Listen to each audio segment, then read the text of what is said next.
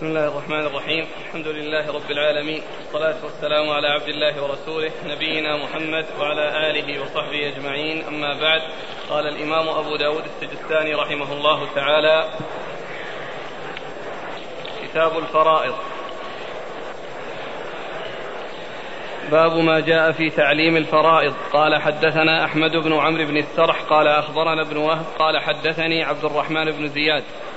عن عبد الرحمن بن رافع التنوخي عن عبد الله بن عمرو بن العاص رضي الله عنهما أن رسول الله صلى الله عليه وعلى آله وسلم قال العلم ثلاثة وما سوى ذلك فهو فضل آية محكمة أو سنة قائمة أو فريضة عادلة. بسم الله الرحمن الرحيم. الحمد لله رب العالمين وصلى الله وسلم وبارك على عبده ورسوله نبينا محمد وعلى آله وأصحابه أجمعين أما بعد. فيقول الإمام أبو داود السجستاني رحمه الله تعالى كتاب الفرائض. الفرائض جمع فريضة والمراد بها هنا المواريث. والمراد بها المواريث التي فرضها الله عز وجل وقدرها في كتابه وفي سنة رسوله صلوات الله وسلامه وبركاته عليه. وأصله من القطع. و وكذلك التقدير. والفرائض فيها قطع وهو آه، إعطاء كل آه، من الورثة قطعة آه، قدرت من الشرع من الشارع وهو أيضا تقدير لأن كل واحد قدر له نصيب من الميراث. قدر له نصيب من الميراث. و أورد أبو داود حديث عبد الله بن عمرو العاص رضي الله تعالى عنهما. أولا قال باب في تعليم الفرائض.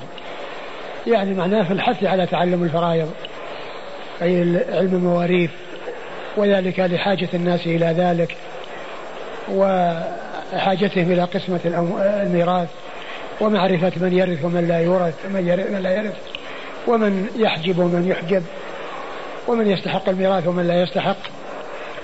ف ومن يرث بالفرض ويرث بالتعصيب فالناس بحاجة إلى معرفة هذا العلم كما أنه بحاجة إلى معرفة العلوم الأخرى ولكن مسائل الموت وما يجري بعد الموت من قسمة الميراث وتوزيعه على من يستحقه يحتاج إلى عناية وإلى اهتمام. ولم يثبت في ذلك شيء عن رسول الله صلى الله عليه وسلم ورد في ذلك أحاديث ضعيفة.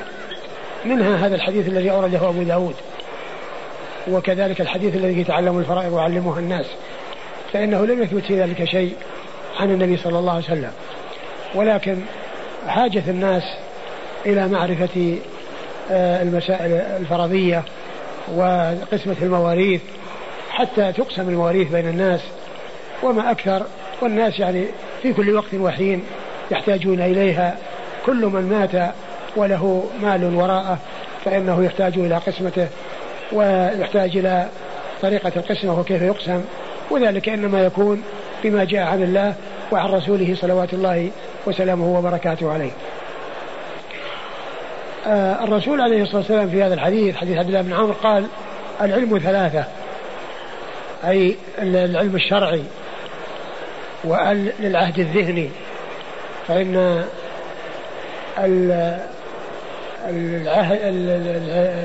الألف واللام تكون للعهد الذهني يعني إذا كان لم يسبق شيء يرجع إليه آه، ترجع إليه اللام الذي يقال له العهد الذكري.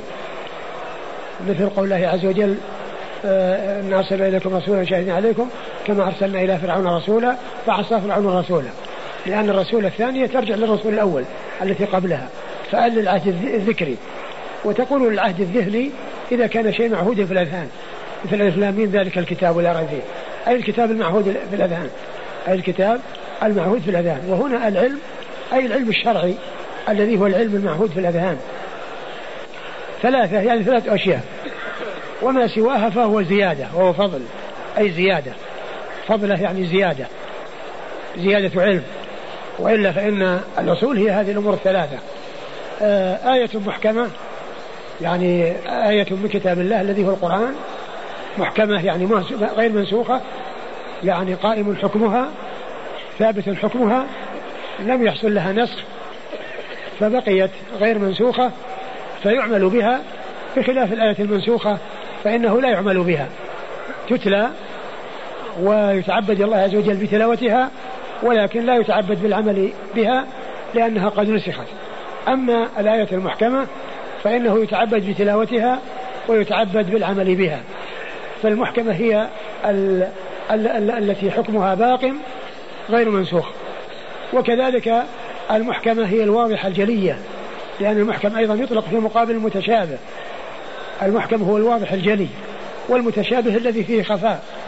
وطريقة أهل العلم أنهم آه، يردون المتشابه إلى المحكم يردون المتشابه إلى المحكم بخلاف أهل الزيغ فإنهم يتبعون المتشابه فإنهم يتبعون المتشابه وأهل الحق آه، آه، يجعلون المتشابه يردونه إلى المحكم.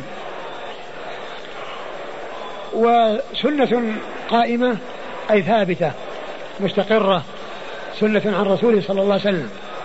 وهذا فيه إشارة إلى ما جاء عن النبي صلى الله عليه وسلم من السنة. ومعلوم أن الوحي قسمان قرآن وسنة. وكل منهما متعبد بالعمل به. كل منهما متعبد بالعمل به. إلا أن والقرآن يتعبد بالعمل به مع تلاوته. والسنة يتعبد بالعمل بها.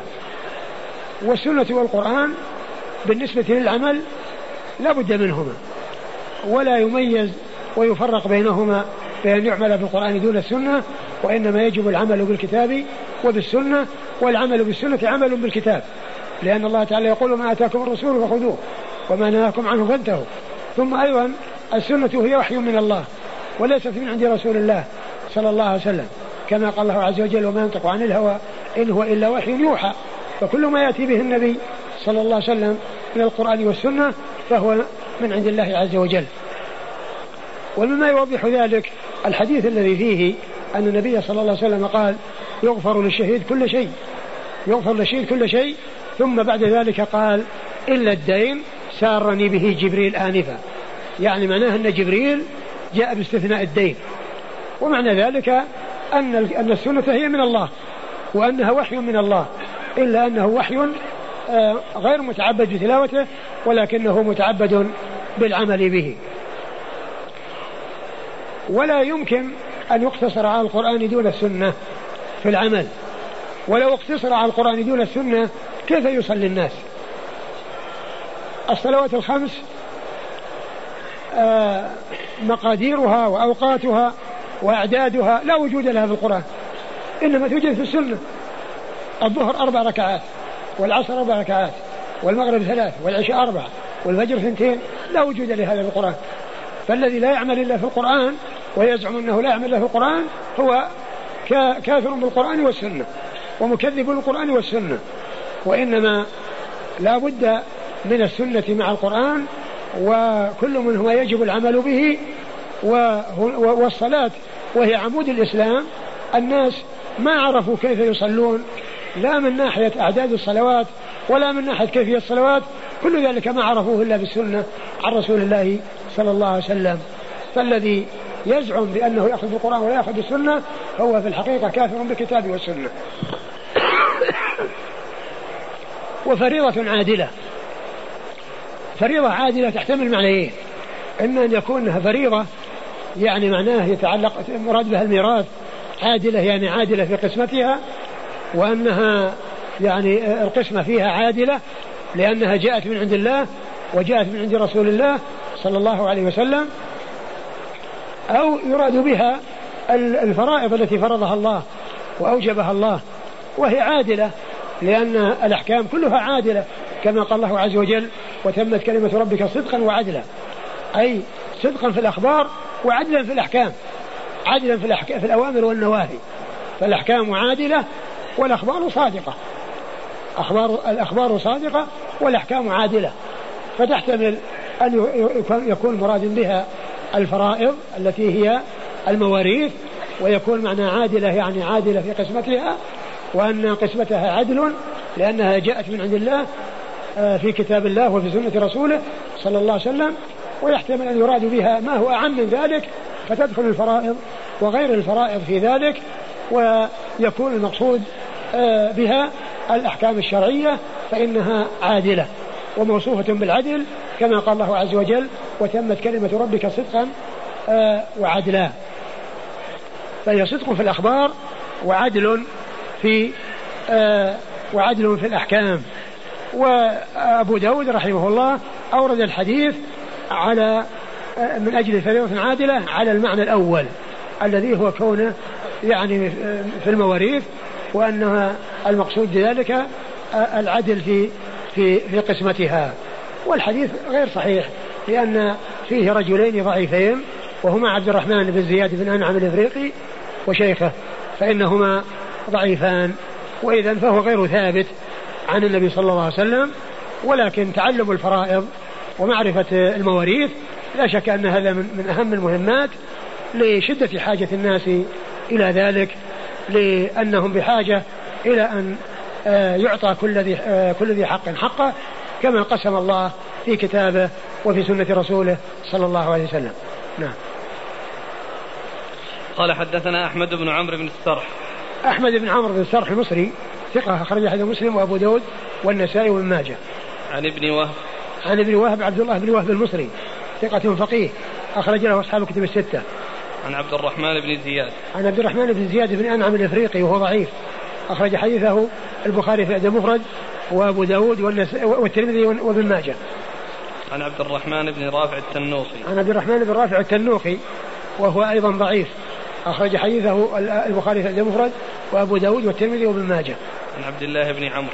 عن عبد الله بن عمرو بن العاص رضي الله تعالى عنهما صاحب رسول الله صلى الله عليه وسلم وهو أحد العبادلة الأربعة من أصحاب النبي صلى الله عليه وسلم وهم عبد الله بن عمرو وعبد الله بن عمر وعبد الله بن عباس وعبد الله بن الزبير وحديث عبد الله بن عمرو بن العاص آه، عند أصحاب الكتب الستة. قال رحمه الله تعالى باب في الكلالة. قال حدثنا أحمد بن حنبل قال حدثنا سفيان قال سمعت ابن المنكدر أنه سمع جابر رضي الله عنه يقول مرضت فأتاني النبي صلى الله عليه وآله وسلم يعودني هو وأبو بكر رضي الله عنه ماشيين وقد أغمي علي فلم أكلمه فتوضأ وصبه علي فأفقت. فقلت يا رسول الله كيف أصنع في مالي ولي أخوات؟ قال فنزلت آية المواريث يستفتونك قل الله يفتيكم في الكلالة. ثم ورد أبو داود باب في الكلالة. والكلالة هي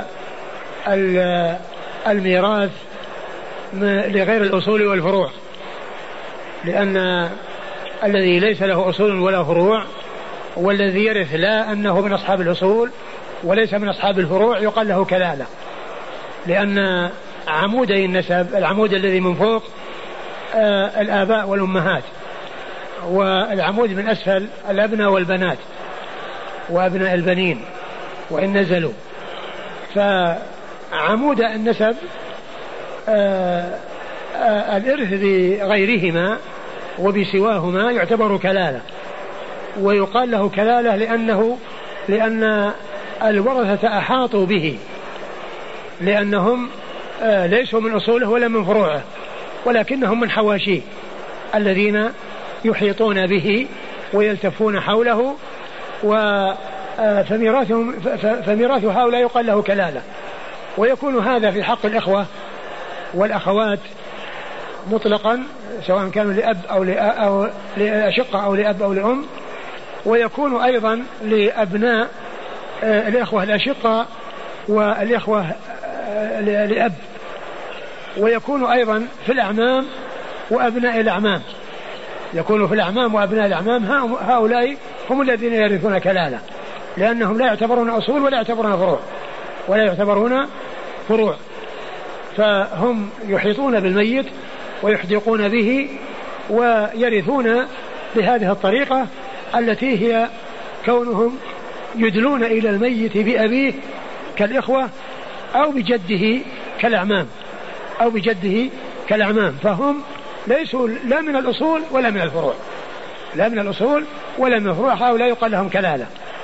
وكما قلت يكون فيها الإخوة والأعمام. الإخوة وبنوهم و والأخوات يعني دون بنيهن وال والأعمام وبنيهم دون العمات ودون بنات الأعمام فإن هؤلاء ليسوا من أصحاب الميراث. وعلى هذا فالكلالة هي الميراث آه، ممن ليس بأصل ولا فرع. من يرث وهو ليس بأصل ولا فرع الذين هم آه، إخوة آه، أو أبناء إخوة يعني إخوة شقة وإخوة لأب أما أبناء أبناء الإخوة لأم فإنهم لا ميراث لهم. وعلى هذا فالإخوة ينقسمون إلى ثلاثة أقسام إخوة لأم إخوة شقة وإخوة لأب وإخوة لأم. فالإخوة لأم من أصحاب الفروض الواحد منهم يعطى السدس وأكثر من واحد يعطون الثلث ولا يرثون بالتعصيب. وميراثهم عند عدم الأصول وعند عدم الفروع عند عدم عند عدم الأب والجد وعند عدم الإبن والبنت أو ابن الإبن أو بنت الإبن لأنهما ليس مع لهم ميراث مع الأصول والفروع. فهم محجوبون. ولكنهم إذا لم يوجد أصول ولا فروع يحجبونهم فإنهم يرثون وميراثهم يكون. إن كان واحدا فله السدس وإن كان أكثر من اثنين أكثر من واحد فإنهم يكونون شركاء في الثلث. وسواء كان الواحد ابنا أو بنتا وسواء كان الذي أكثر ابنين أو بنتين أو بنت وابن لأنهم يستوي ذكرهم وأنثاهم. ولا يفرق بين ذكرهم وأنثاهم فالذكر الواحد له سدس والبنت والأنثى الواحدة لها سدس والاثنان فأكثر أكثر من أكثر من واحد سواء كانوا من الذكور الخلص أو من الإناث الخلص أو من الذكور والإناث المختلطين فإنهم يكون لهم الثلث. وقد جاء ذلك في القرآن الكريم في آية وهي الآية الثانية من آيتي الميراث التي جاءت في أول سورة النساء والتي ذكر فيها الأزواج والزوجات والإخوة لأم. وعبر عنها بالكلالة. وإن كان رجل يورث بالكلالة وله أخ أو أخت فلكل واحد من السدس إن كان له ولد فلكل واحد من السدس فإن كانوا أكثر من ذلك. فإن كانوا أكثر من ذلك فهم شركاء في الثلث. فإن كانوا أكثر من ذلك فهم شركاء في الثلث. وميراثهم يكون بعدم آه، الفرع الوارث وبعدم الأصل من الذكور الوارث. عدم الفرع الوارث وعدم الأصل من الذكور الوارث والميراث خاص بالإخوة. أما أبنائهم فلا ميراث لهم. أبناء الإخوة لأم فإنهم ليسوا من أهل الميراث. ليسوا من أهل الميراث. لا لا فرضا ولا تعصيبا. وأما الإخوة الأشقة والأب فإن كانوا ذكورا وإناثا إذا كانوا إخوة أشقة ذكور وإناث لذكر حظ الأنثيين. وإن كانوا إخوة لأب ذكور وإناث فلذكر حظ الأنثيين. وإن كانت آه، أخوات شقيقات فلهن الثلثان. وإن كانت واحدة فلها الثلث. وكذلك الأخوات الأب إذا كن جمعا لهما الثلثان. وإن كانت واحدة فإن يكون لها النصف. إذا كانت واحدة لها النصف وإن كنا أكثر من ذلك أي آه ثنتين فأكثر فلهما الثلثان. فلهما الثلثان.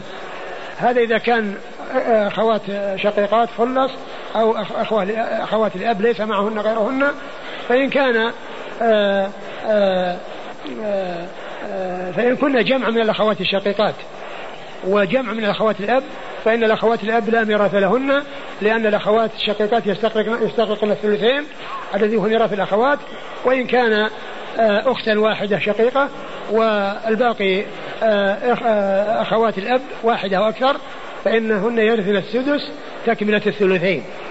لأن الأخوات لهن الثلثان فإذا كانت وجدت واحدة في الطبقة الأولى التي هي طبقة الأخوة الأشقة أو الأخوات الشقيقات فإنه يكون لها النصف تنفرد به. وتكملة الثلث تكملة الثلثين يكون للأخوات لأب إن كن جمعا وإن كن واحدة. وإذا كانوا ذكورا خلصا فإنهم ينفردون بالمال ويستقلون به آه، على حد سواء. وإذا كانوا ذكورا وإناثا فقد عرفنا أن للذكر مثل حظ الأنثيين. وبنات الإخوة ليس لهن ميراث بنات الإخوة ليس لهن ميراث وإنما الميراث لبني الإخوة. الأشقة ولأب وأما الإخوة لأم عرفنا أنه لا ميراث لهم. عرفنا أنه لا ميراث لهم. وأما الأعمام فإنهم يأخذون ما أبقت الفروض. إن لم يوجد إخوة أشقة وإخوة لأب. إن لم يوجد إخوة أشقة أو إخوة لأب. وكذلك لم يوجد أيضا الذين قبل الإخوة الأشقة والإخوة لأب الذين هم الفرع الوارث والأصل من الذكر الوارث. وإنما آه يأخذ أصحاب الفروض فروضهم. وإذا لم يوجد إخوة أشقة أو إخوة لأب أو أبناء إخوة أشقة أو أبناء إخوة لأب فإن آه الميراث ينتقل إلى الأعمام وإن كان الأعمام غير موجودين انتقل إلى بني الأعمام لقول الرسول صلى الله عليه وسلم ألحقوا الفرائض بأهلها فما أبقت الفرائض فلأولى رجل ذكر. والكلالة نزل فيها آيتان. الآية الأولى وهي في أول سورة النساء وهي مع آية الأزواج وهي خاصة بالإخوة لأم وطريقة الميراث كما عرفنا الفرد الواحد منهم له السدس وإذا كانوا أكثر من واحد فله لهم الثلث سواء كانوا ذكورا خلصا أو إناثا خلصا أو مختلطين من الذكور والإناث. وأبنائهم ليس لهم ميراث لا ذكور ولا إناث اللي هم أبناء الأخوة لأم. أما الأخوة الأشقة والأب فقد جاءت فيهم آية الكلالة اللي في آخر النساء آخر سورة النساء فإنها في الأخوة الأشقة والإخوة الأب. وميراثهم كما عرفنا آه الإناث إذا كانت واحدة لها النصف وإن كانت اثنتين فأكثر فلهما الثلثان. وإذا كان آه يوجد شقيقات ولأب وكن الشقيقات أكثر من من واحدة فإنهن يحجبن الأخوات الأم الأخوات الأخوات الأب وإن كن آه واحدة فقط فالأخوات الأب يأخذن السدس تكملة الثلثين. و و آه إذا كان آه ذكورا فقط وكانوا أخوة الشقة يحجبون الأخوة لأب ويستقلون بالميراث وإذا لم يوجد الأخوة الأشقة يرث الأخوة لأب كما يرث الأخوة الأشقة كما يرث الإخوة الأشقة. وإذا كانوا ذكورا وإناثا فللذكر مثل حظ الأنثيين. قال الله عز وجل يستفتونك قل لا يفتيكم بالكلالة إن امرؤ هلك ليس له ولد وله أخت فلها نصف ما ترك. وهي يرثها إن لم يكن لها ولد. ويرثها إن لم يكن لها ولد فإن كانت اثنتين فلهما الثلثان مما ترك. وإن كانوا إخوة رجالا ونساء فللذكر مثل حظ الأنثيين. وعلى هذا فقد جاء في كتاب الله عز وجل في أول سورة النساء وفي آخر سورة النساء بيان ميراث آه، أصحاب الكلالة الذين هم ليسوا أصولا ولا فروعا مع قوله صلى الله عليه وسلم في الحديث ألحقوا الفرائض بأهلها فما أبقت الفرائض فلأولى رجل ذكر اقرأ الحديث. قال حدثنا أحمد بن حنبل قال حدثنا سفيان قال سمعت من المنكدر أنه سمع جابر رضي الله عنه يقول مرضت فأتاني النبي صلى الله عليه وآله وسلم يعودني هو وأبو بكر رضي الله عنه ماشيين وقد أغمي علي فلم أكلمه. فتوضأ وصبه علي فأفقت فقلت يا رسول الله كيف أصنع في مالي ولي أخوات؟ قال فنزلت آية المواريث يستفتونك قل الله يفتيكم في الكلالة. ثم آه، أورد أبو داود حديث جابر رضي الله عنه أن أنه مرض فجاءه النبي صلى الله عليه وسلم وأبو بكر يعودانه ماشي يعودانه ماشيين يعني جاء يمشيان إليه يعودانه وهذا فيه عيادة المريض. و وسواء يكون ماشيا أو راكبا. وفي الحديث أنهما جاء ماشيين وأنه كان أغمي عليه فلم يكلمه. ما استطاع أن يكلم النبي صلى الله عليه وسلم لأنه مغمى عليه. فالرسول صلى الله عليه وسلم توضأ وأخذ من وضوئه وصبه عليه فأفاق. وصبه عليه فأفاق. وهذا فيه آه، فضل آه، ما مس آه، جسده وما تساقط من جسده صلى الله عليه وسلم من الماء والصحابة كانوا يتبركون به ولا شك أن ما لمسه جسده مبارك ويتبرك به وقد كان الصحابة يفعلون ذلك. وأما بعد وفاته صلى الله عليه وسلم فإنه لا يتبرك بأحد من الناس سواه ولم يكن الصحابة يتبركون بأبي بكر وعمر وهم خير الناس وأفضل الناس بعد رسول الله صلى الله عليه وسلم. فأفاق ومن إغمائه وقال آه، إن لي مال ولي أخوات فكيف أصنع بمالي؟ فأنزل الله آية الكلالة أي الآية التي في آخر النساء التي فيها فإن كل نساء فوق آه، فإن كان اثنتين فلهما الثلثان مما ترك. ومعنى هذا أن أخوات جابر يكون لهن الثلثان لأنهن أخوات شقيقات. أخوات شقيقات فيكون يكون لهن الثلثان كما جاء في هذه الآية التي هي آية الكلالة التي في آخر سورة النساء أو هي أو التي هي ختام سورة النساء. وكان هذا في مرض وكان لا يوجد له إلا أخوات وقد توفي أبوه وليس له ولد. فأنزل الله عز وجل هذه الآية التي هي فيها بيان ميراث آه، الأخوات وغير الأخوات من ممن يكون آه، من أولاد الأب أخ لأب أو أم أو أخ لأب فقط وسواء كانوا ذكورا أو إناثا فإن الآية بينت ميراثهم. نعم. قال حدثنا أحمد بن حنبل. أحمد بن حنبل أحمد بن محمد بن حنبل الشيباني الإمام مشهور أحد أصحاب المذاهب الأربعة المشهورة من مذاهب السنة وحديثه أخرجه أصحاب الكتب الستة. عن سفيان وهو بن عيينة المكي وهو ثقة أخرج له أصحاب الكتب الستة. عن ابن المنكدر. عن ابن المنكدر محمد بن المنكدر وهو ثقة أخرجه أصحاب الكتب الستة. عن جابر. عن جابر بن عبد الله الأنصاري صاحب رسول الله صلى الله عليه وسلم وهو أحد السبعة المعروفين بكثرة الحديث عن النبي صلى الله عليه وسلم وهذا الحديث أو هذا الإسناد من رباعيات أبي داود. التي هي على الأسانيد عند أبي داود. آه، أي أن بينه وبين رسول الله صلى الله عليه وسلم أربعة أشخاص. نعم. قال رحمه الله تعالى باب من كان ليس له ولد وله أخوات.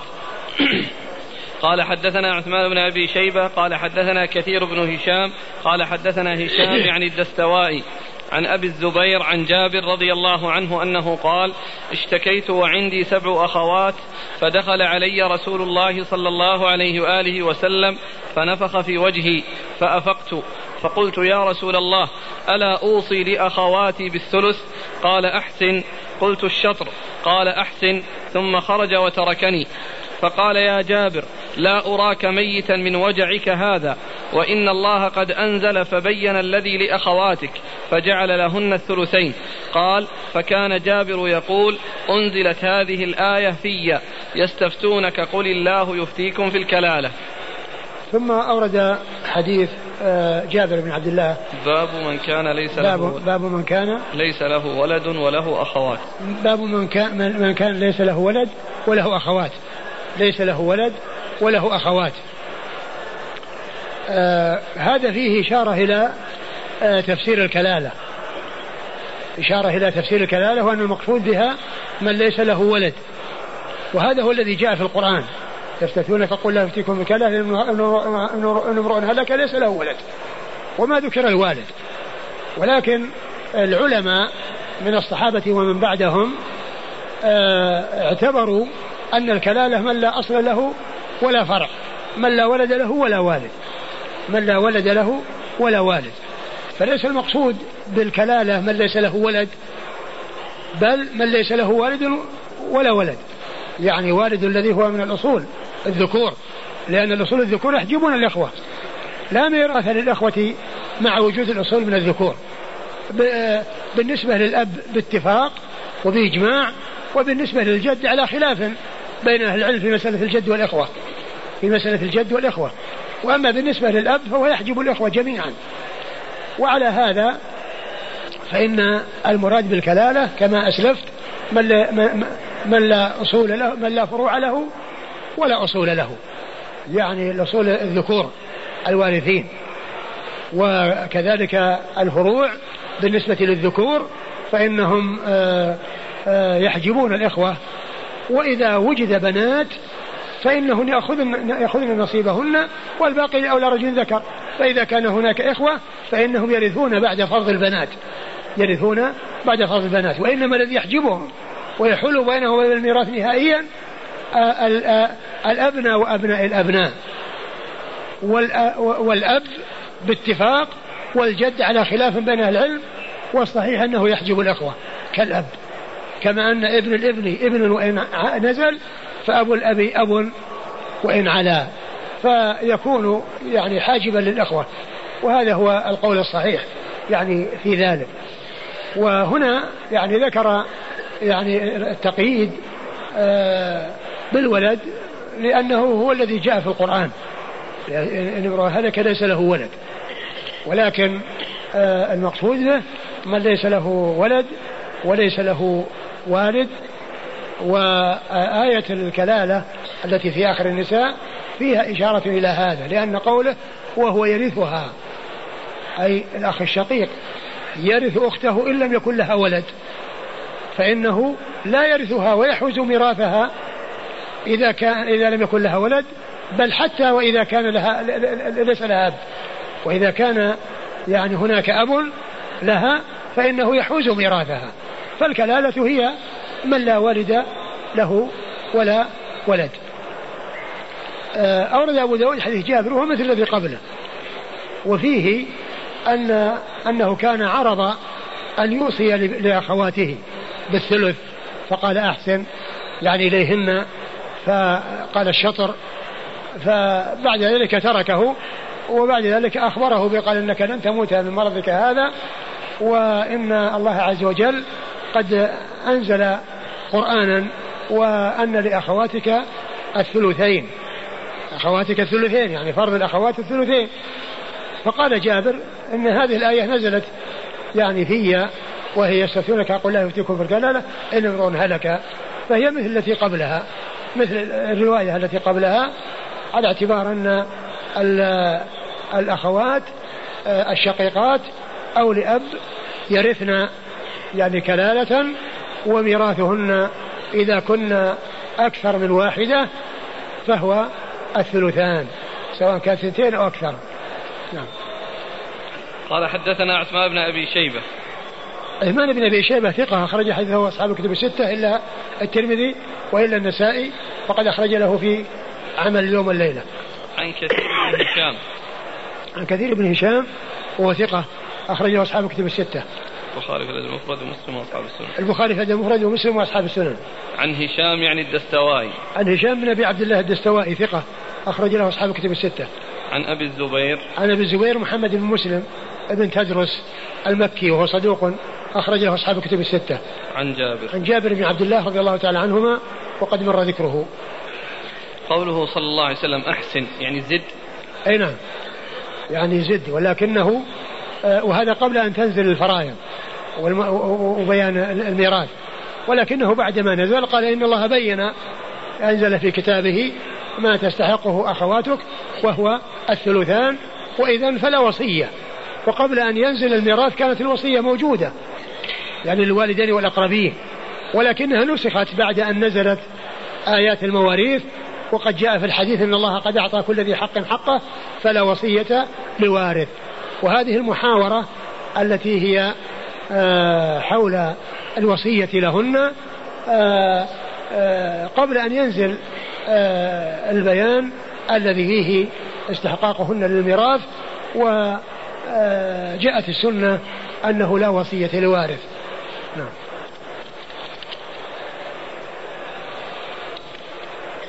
قال حدثنا مسلم بن إبراهيم قال حدثنا شعبة عن أبي إسحاق عن البراء بن عازب رضي الله عنهما أنه قال آخر آية نزلت في الكلالة يستفتونك قل الله يفتيكم في الكلالة.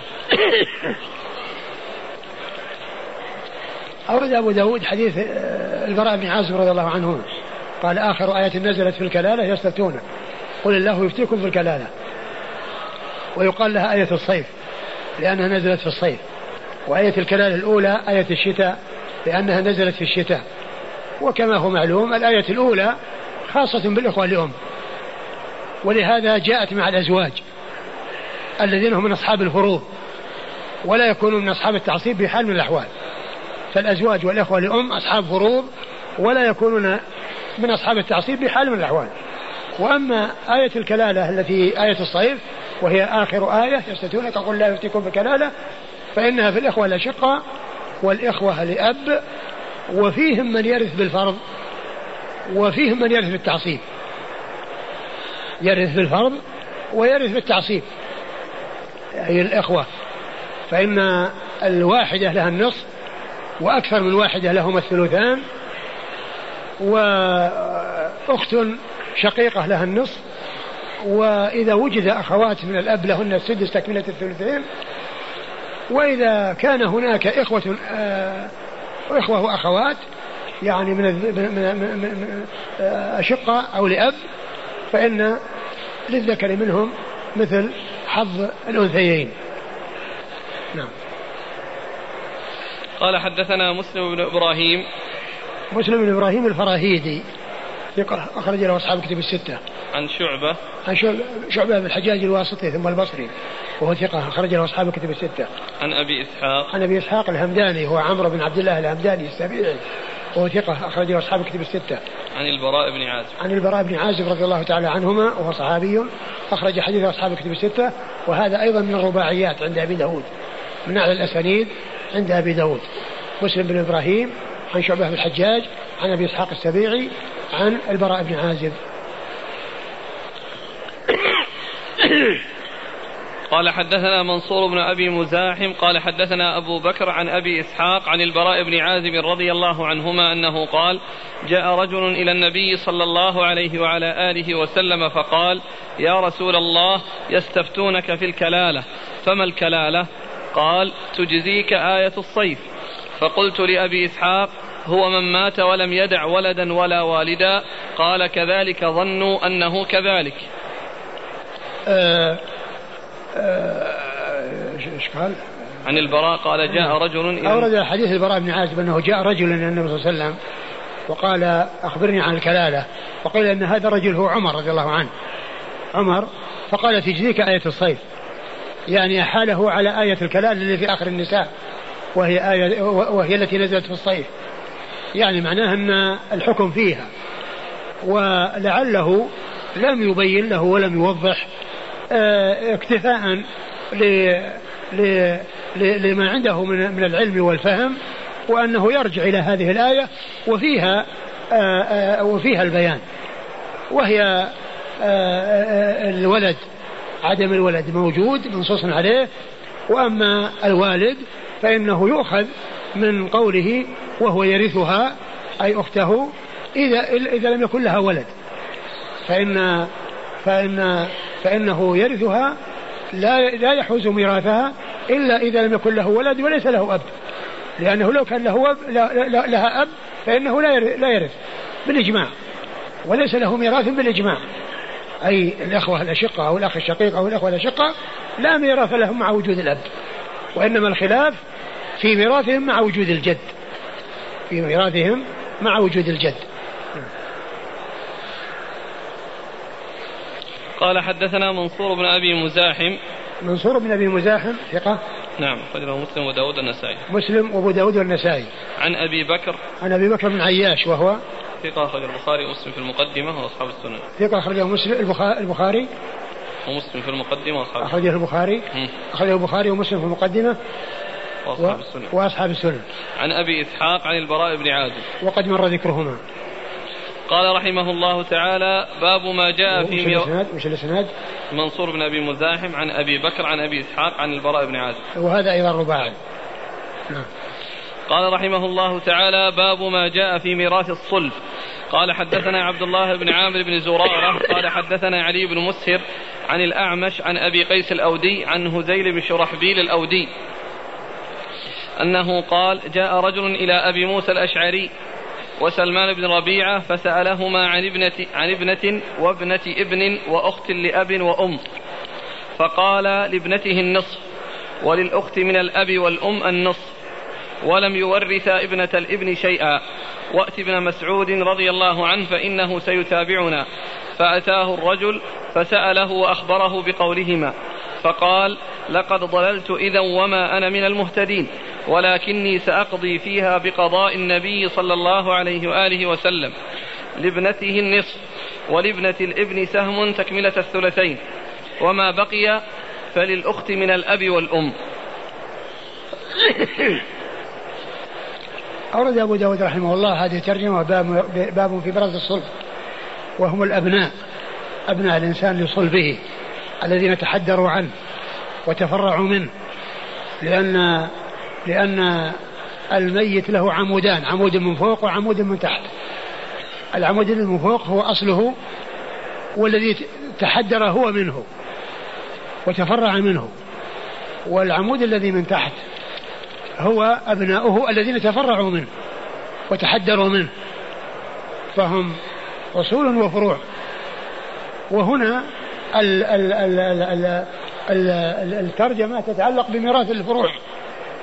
اللي هم فروع الميت أبنائه لصلبه والذين تحدروا منه.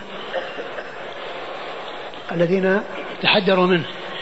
وقد جاء في القرآن الكريم في بيان عمودي النسب الذين هم آه الأبناء والبنات والأب والأم. الآية الأولى في آه في آية النساء يوصيكم الله في أولادكم. إذا كان مثل حظ الأنثيين. فإن هذه الآية تتعلق بأصول الميت وفروعه أبيه وأمه وابنه وبنته. فهي, آية العمودين. والله ذكر في القرآن ثلاث آيات جاء في القرآن ثلاث آيات. اثنتان في أول النساء الأولى منهما في, في عمودي النساء اللي هم الآباء والأمهات والأبناء والبنات. والثانية في الأزواج والإخوة لأم. وهم الذين لا يرثون إلا بالفرض ولا سبيل لهم إلى التعصيب. الله جمعهم في آية واحدة وهي الآية الثانية ولكم نصف ما ترك أزواجكم وفي ختامها وإن كان رجل يورث كلالة والآية الثالثة التي في آخر النساء وهي في الإخوة الأشقة والإخوة لأب والله تعالى بين في كتابه أنه إذا وجد أبنى للميت فإن إن كانوا ذكورا وإناثا فللذكر مثل حظ الأنثيين. وإن كانت ابنة واحدة فلها النصف. وإن كن أكثر من واحدة فلهن الثلثان. وإذا كانت بنات ولكنها متفاوتات في الدرجة كالبنت وبنت الابن. أو البنت وبنات الابن فهن بنات. يدخلن في قول الله عز وجل يوصيكم الله في أولادكم. فإن كن نساء فوق اثنتين فلهن الثلثان مما ترك. فإن الكل قال له أنه من أولاد الميت إلا أنهم متفاوتون في الدرجة في القرب والبعد. فالذي هو قريب وهو البنت يكون لها النصف. ثم يكمل السدس سدس لبنات الابن أو لبنت الابن أو لبنت الابن تكملة الثلثين. لأنهن لو كنا بنات متعددات في درجة واحدة صار لهن ثلثين وبنات الابن ما لهن شيء. لأن الميراث قد استكمل. إلا لو وجد إخوة أبناء إخوة أبناء أبناء أبناء فإنهم يعصبون يعني بنات الأبناء.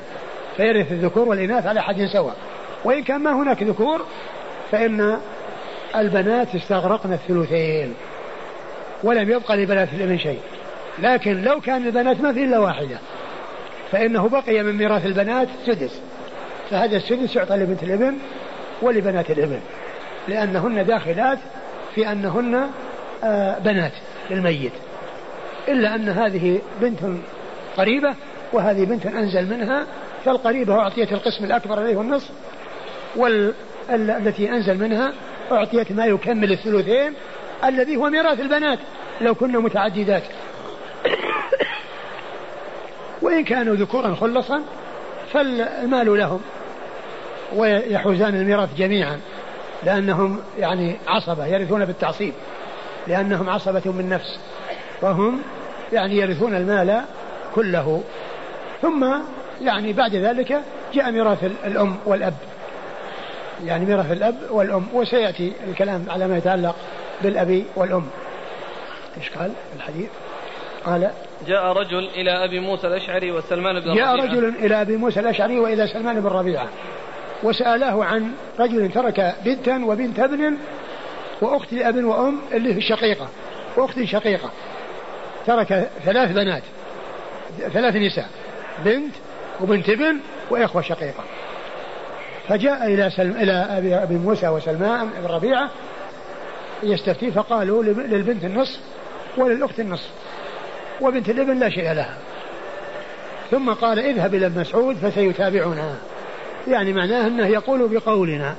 يعني وكأنه آه يعني وقع في بالهما أن هذا الذي قاله هو الحق وأن ابن مسعود سيتابعهم لكن ابن مسعود رضي الله عنه عنده سنة. وعنده علم عن رسول الله صلى الله عليه وسلم. ولما أبلغه السائل قولهما وأنه سيتابعهم قال قد ضللت إذا وما أنا المهتدين وما أنا من المهتدين. يعني إن تابعتهما. وأنا أعلم سنة رسول الله صلى الله عليه وسلم في الميراث. قد ضللت إذا يعني إن تابعتهما. وهما كما هو معلوم يعني قال باجتهاد وعلى حسب ما بلغه من العلم وهم معذورون. لكن الذي عنده سنة عن رسول الله صلى الله عليه وسلم ليس بمعذور أن يحيد عنها وأن يعدل عنها كما قال الإمام الشافعي رحمة الله عليه أجمع المسلمون على أن من استبانت له سنة رسول الله صلى الله عليه وسلم لم يكن لها لم يكن له أن يدعها لقول أحد. لم يكن له أن يدعها لقول أحد. وقوله قد ضللت هذا فيه يعني الإشارة إلى أن الفعل على خلاف ما جاء به الشرع وأن ترك ما جاء به الشرع والأخذ بغيره أنه ضلال وخروج عن الجادة. وأكد ذلك بقوله وما أنا من المهتدين يعني أنه يكون ضالا وغير مهتد. ثم قال أقضي فيها بقضاء رسول الله صلى الله عليه وسلم للبنت النصف والابن بنت الابن سهم أي السدس تكملة الثلثين لأن هذا ميراث البنات. لأن الثلثان ميراث البنات المتعددات. لكن لما كنا هذه البنات في درجتين ولسنا في درجة واحدة فالذي في الدرجة الأولى وهي واحدة أعطيت النصف كاملا. ثم اللاتي أنزل منها يحزن باقي الثلثين الذي هو السدس. يحزن باقي الثلثين الذي هو السدس.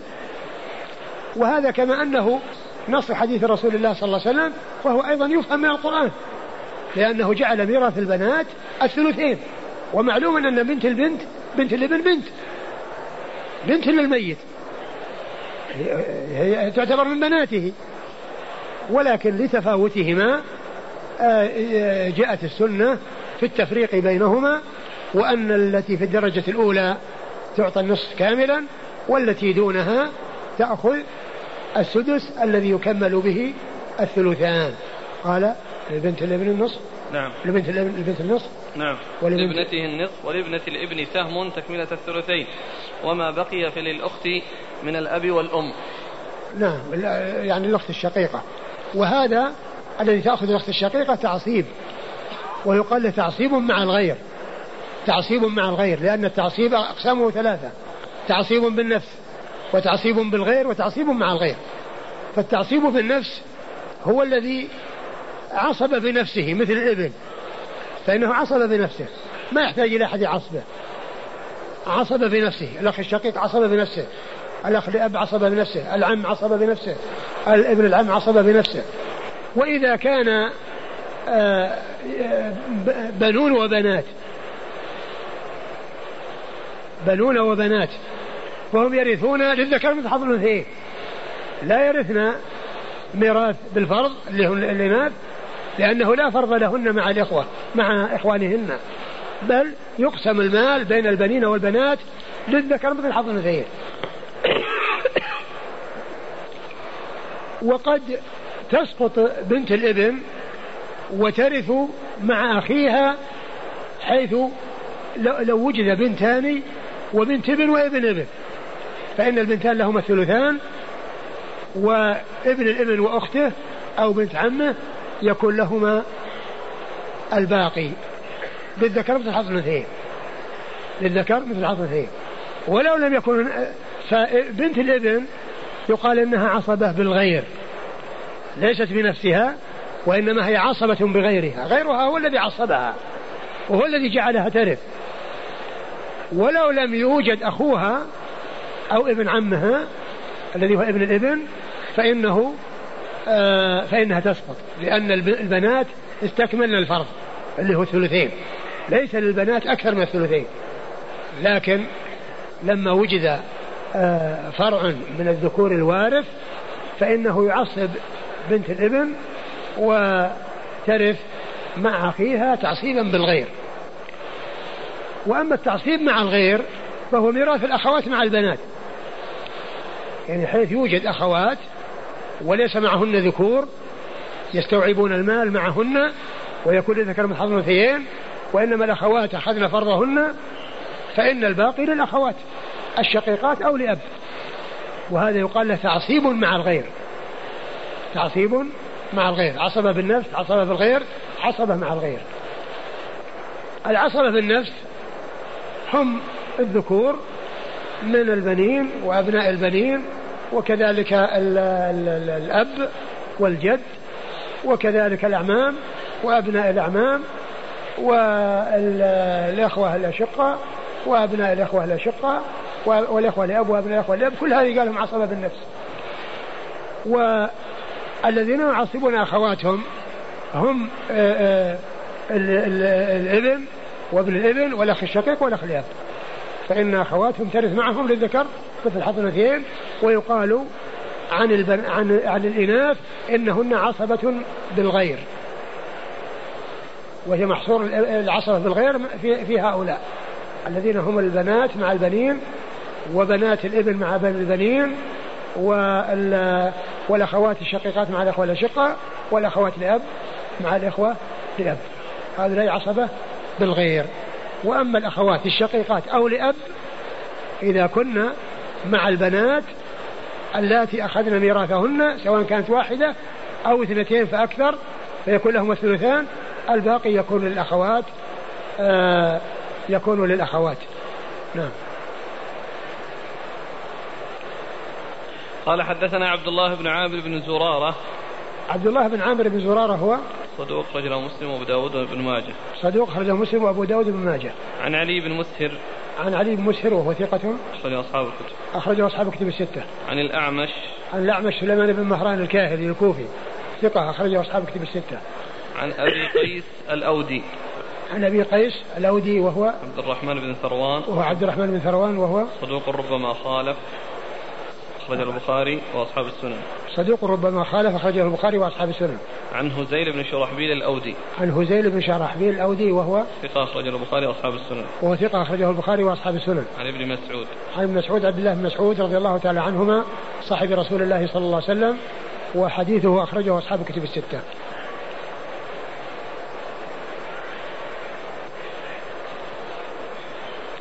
قال حدثنا مسدد قال حدثنا بشر بن المفضل قال حدثنا عبد الله بن محمد بن عقيل عن جابر بن عبد الله رضي الله عنهما أنه قال خرجنا مع رسول الله صلى الله عليه وآله وسلم حتى جئنا امرأة من الأنصار في الأسواق.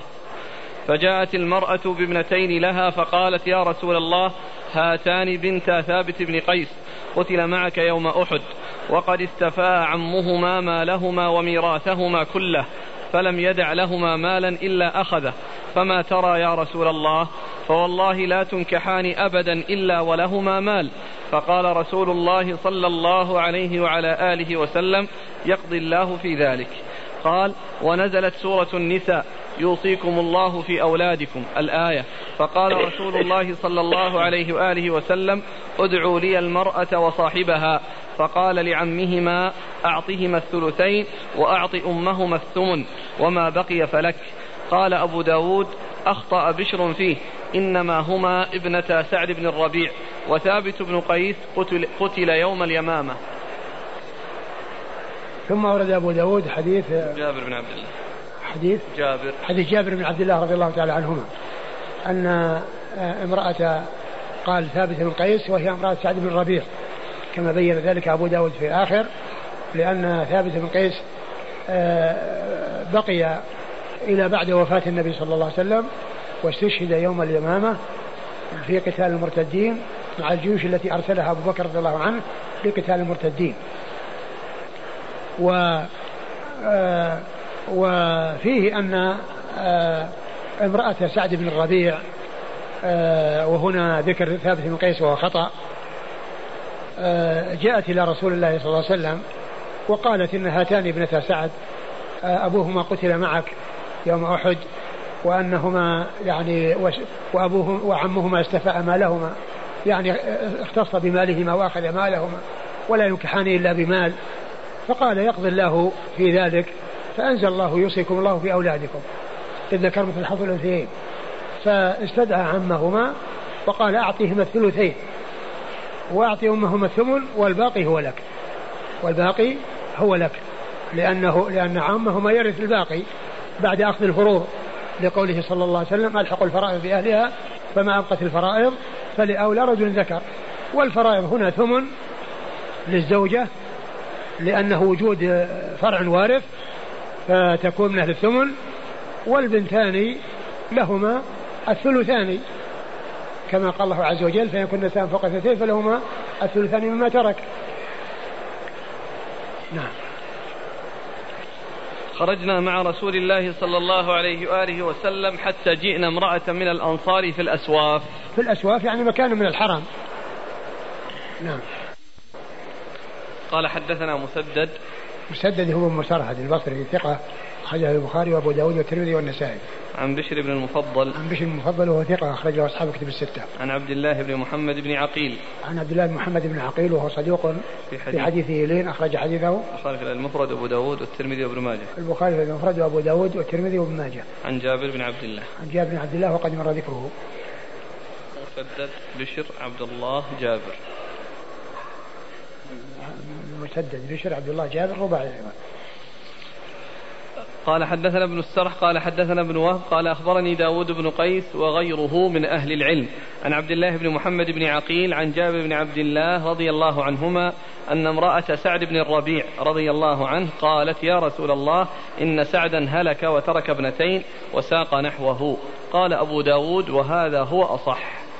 ثم ورد أبو داود طريق, طريق أخرى وفيها بيان آآ أن سعد بن الربيع هو الذي آه، استشهد وأن الابنتين التي أخذ عمهما المال آه، ولم يبقي لهما شيئا.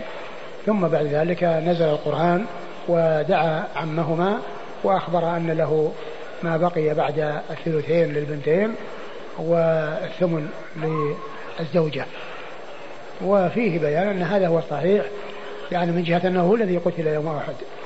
وأما ثابت بن قيس بن شماس اللي جاء في الرواية الأولى فهو خطأ لأن ثابتا عاش بعد النبي صلى الله عليه وسلم واستشهد في خلافة الصديق رضي الله عنه. قال حدثنا ابن السرح عن ابن وهب عن داود بن قيس. ابن السرح وابن وهب مر ذكرهما وداود بن قيس ثقة أخرج له. البخاري تعليقا ومسلم وأصحاب السنة. أخرجه البخاري تعليقا ومسلم وأصحاب السنة. وغيره من أهل العلم عن عن عبد الله بن محمد بن عقيل عن جابر بن عبد الله. آه عبد الله محمد عقيل وجابر بن عبد الله مر ذكرهما. قال حدثنا موسى بن إسماعيل قال حدثنا أبان قال حدثنا قتادة قال حدثني أبو حسان عن الأسود بن يزيد أن معاذ بن جبل رضي الله عنه ورث أخت ورث أختا وابنة فجعل لكل واحدة منهما النصف وهو باليمن ونبي الله صلى الله عليه وآله وسلم يومئذ حي. ثم ورد هذا الأثر عن عن عن معاذ بن جبل رضي الله عنه أنه ورث بنتا وأختا واختا نعم. لا واختا فقط. واختا يعني طبعا هي اما أما شقيقة أو لأب فأعطى كل واحدة منهم النصف. فالبنت أعطاها النصف فرضا وأما الأخت فهو تعصيب الذي هو تعصيب مع الغير. تعصيب مع الغير. وذلك في زمن النبوة. يعني ورسول الله صلى الله عليه وسلم حي. يعني فهذا يعني يشعر بأن هذا إما أن يكون يعني حصل في زمن النبوة ولو كان يعني الحكم بخلاف هذا يعني ينزل القرآن به كما جاء في حديث أبي سعيد كنا نعزل والقرآن ينزل لو كان شيئا ينهى عنه لنهانا عنه القرآن أو أنه آآ آآ إنما آآ قال ذلك في حياة النبي صلى الله عليه وسلم وأنه مبني على علم علمه عن رسول الله صلى الله عليه وسلم. ثم أيضا هذا الذي في هذا الحديث مطابق لما تقدم في حديث مسعود رضي الله عنه في أن الأخت ترث آه، مع البنت أو البنات آه، على سبيل التعصيب الذي هو تعصيب مع الغير وليس من قبيل الفرض. وقوله أعطاها كل واحد منهم النصف ليس معنى ذلك فرضا لأن الأخت لا يفرض لها مع وجود البنات أو مع وجود البنت وإنما يفرض لها مع عدم وجود الفرع الوارث. و وعدم وجود الأصل من الذكور الوارث وإنما المقصود أنه تعصيب أي تعصيب مع الغير. فهو له الباقي يعني الذي هو صار نصفا. نعم. قال حدثنا موسى بن إسماعيل. موسى بن إسماعيل هو التبوذكي البصري ثقة أخرج له أصحاب كتب الستة. عن أبان. أبان بن يزيد العطار وهو ثقة. أخرجه أصحاب كتب الستة إلا ابن ماجه. إلا ابن ماجه. عن قتادة.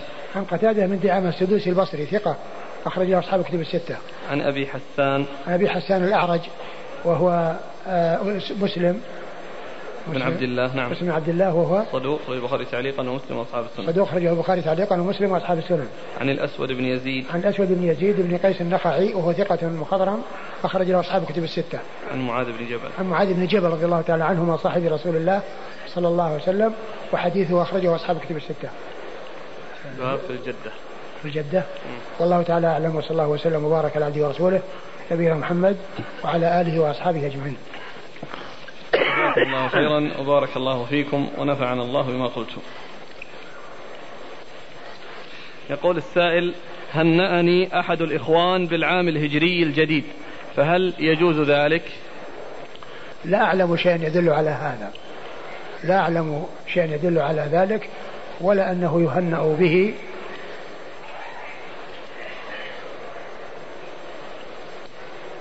هل يشترط التقابض في المجلس في العملات المختلفة؟ نعم. العملات تعتبر أجناس فالتفاضل سائغ والتقابض لازم. كقوله صلى الله عليه وسلم فإذا اختلفت هذه الأجناس فبيعوا كيف شئتم إذا كان يدا بيد. يعني كيف شئتم يعني متفاضلا لكن بشرط أن يكون يدا بيد لا بد من التقابض. يسأل عن معنى قول النبي صلى الله عليه وسلم تخيروا لنطفكم فإن العرق دساس. والله ما ما الحديث الذي في هذا ما هو ثابت. ومعناه واضح يعني ان ان إنه يعني من حيث المعنى أن الزوجة يعني يختار أن تكون يعني من أناس طيبين ومن أناس خيار وأنهن إذا كن من يعني أصلهن يعني فيه سوء وفيه كذا فإنه قد يعني يسري على على الفروع ما هو موجود في الأصول. وهذا يعني ليس على إطلاقه والحديث ما ثبت بهذا الحديث. الأخ يقول الحديث الأخير الأسود بن يزيد أن معاذ بن جبل ورث أختا وابنة. هل هذا الحديث بمعنى المرسل؟ لأن الأسود قال ونبي الله يومئذ حي. لا هذا ما ما هو مرسل لأن الأسود بن يزيد مخضرا وهو أيضا هو هو يعني يحكي عن معاذ. يحكي عن معاذ ما يحكي عن النبي صلى الله عليه وسلم. وإنما يعني أن أن أن, أن, أن هذا يعني أنه كان في في حياة النبي صلى الله عليه وسلم. معلوم أن معاذ إنما كان آه، قاضيا باليمن ومسؤولا في اليمن في عهد النبي صلى الله عليه وسلم. ما صحة هذا الحديث؟ من قال في اليوم لا حول ولا قوة إلا بالله فرج عنه سبعين كربة أدناها الفقر. والله ما أعلم ما أعلم ما أعلم عن هذا شيء.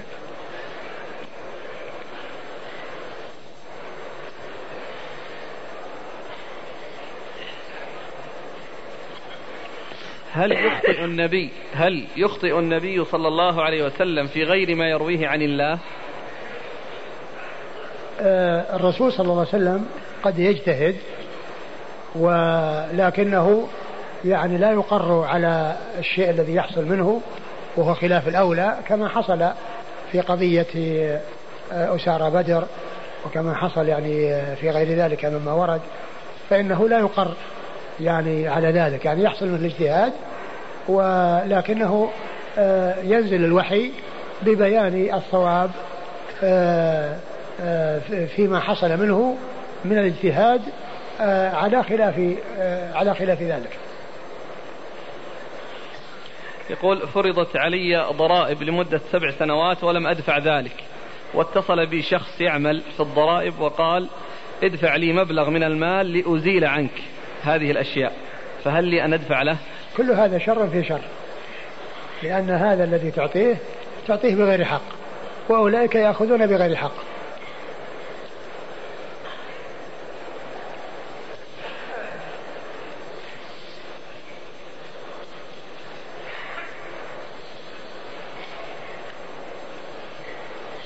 لا صلاة لمن يدافع الأخبثين. هل تبطل الصلاة إذا وجد ذلك؟ لا ما تبطل الصلاة. اللهم إلا إذا كان آه، آه، فيه شدة منعت من كل إنسان يأتي بما هو واجب وبما هو مطلوب وبما هو متعين فإنها لا تصح الصلاة. أما إذا كان أتى بما هو مطلوب فيها ولكنه مع كونه مشغولا بهذه المدافعة فإن صلاته تصح. عندنا عادة أن الإنسان قبل أن يموت فإنه يقسم الأموال للبنين والبنات من أجل أن لا تحدث هناك مشاكل بعد موته. وهم راضون جميعا بهذه القسمة. فهل هذا العمل صواب؟ آه كل إنسان يقسم أو يعطي من ماله في حياته على قدر الميراث وعلى طريقة الميراث هذا لا بأس به. وكما هو معلوم قضية المشاكل أي مشاكل تحصل؟ لأن كل سيحصل ميراثه يعني كما شرع الله عز وجل. فالمشاكل تحصل يعني فيما آه، اعتدى أحد على أحد. أما كون إنسان كل واحد نصيبه معروف ومقدر فإن الحق آه، يصل إليه آه، ولا يكون هناك مشاكل. لكن كون الإنسان يعطي شيء من ماله لأولاده على قدر ميراثهم هذا سائغ قال صلى الله عليه وسلم لا تزال عصابة من أمتي يقاتلون على أبواب دمشق وما حولها وعلى أبواب بيت المقدس وما حوله. لا يضرهم من خذلهم ظاهرين على الحق إلى أن تقوم الساعة. رواه أبو يعلى كما في مجمع الزوائد. قال الهيثمي رجاله ثقات. ما رأيكم؟ ما أعرف ما أعرف شيء عن صحته. لأن قول الهيثمي رجال ثقات يعني لا يدل على لأن قد يكون ثقات ولكن فيه انقطاع لا يكفي مجرد أنه قال ثقات هل ابن الابن يعصب البنت؟ لا البنت ترث النصف والباقي لابن الابن وإنما يعصب أخته أو بنت عمه. مر معنا الحديث عن أبي الزبير عن جابر بالعنعنة وأبو الزبير مدلس قد عنعن. الحديث وش هو؟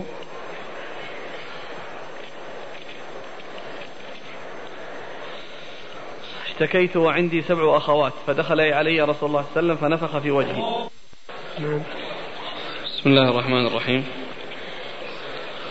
الحديث هذا اللي أبو الزبير. قال عن جابر. أي في حديث قبله بمعناه. نعم. قبله بمعناه. اللي قبله ابن المنكدر أنه سمع جابر يقول مرضت فأتاني النبي صلى الله عليه وسلم. أي نعم هو نفسه بمعناه من خرجه التعليق تعليق. الحديث الأخير هذا. حديث أبو الزبير من خرجه. اللي فيه أبو الزبير أيه. هذا فيه أبو الزبير. نسبه المنذري للنسائي. لكن اللي قبله في البخاري. على كل هو نفس أقول هذا الحديث اللي, عن طريق ابن الزبير هو نفس الحديث عن ابن المنكدر. آه، في سؤال في أن هذا الحديث حديث ابن المنكدر فتوضأ وصبه علي فأفقت. إيه؟ هذا الثاني أبي الزبير آه، فنفخ في وجهي فأفقت.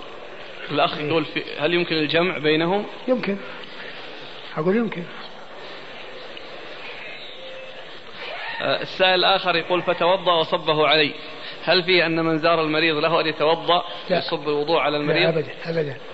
لأن الرسول صلى الله عليه وسلم فيه بركة ويتبرك بفضل وضوءه وأما الناس لا يتبرك بهم. وقد عرفنا أن خير الناس أبو بكر وعمر رضي الله عنهما ما كان الصحابة يتبركون بهما وإنما هذا خاص بالنبي صلى الله عليه وسلم.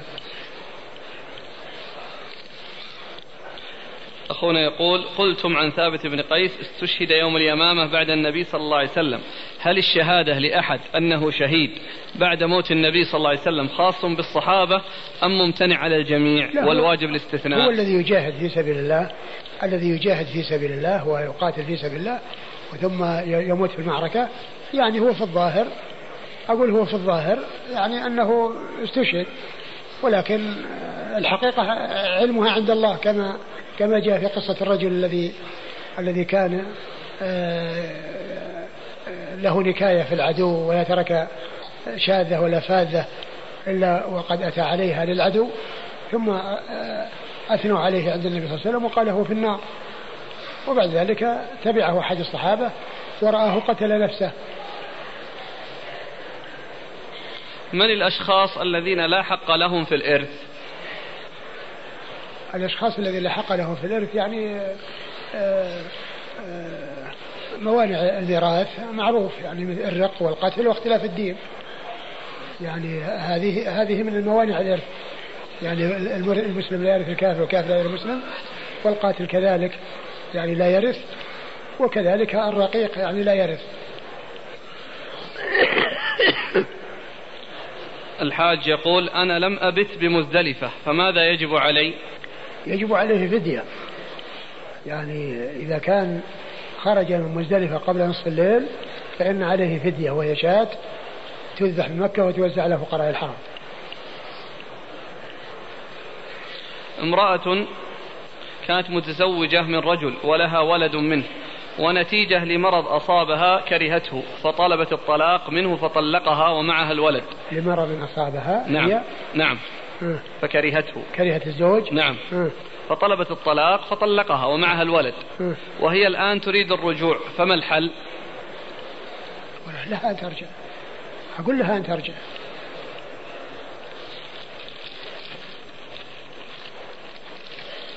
إذا إذا إذا رغب وطلبها واتفقا فلها أن ترجع.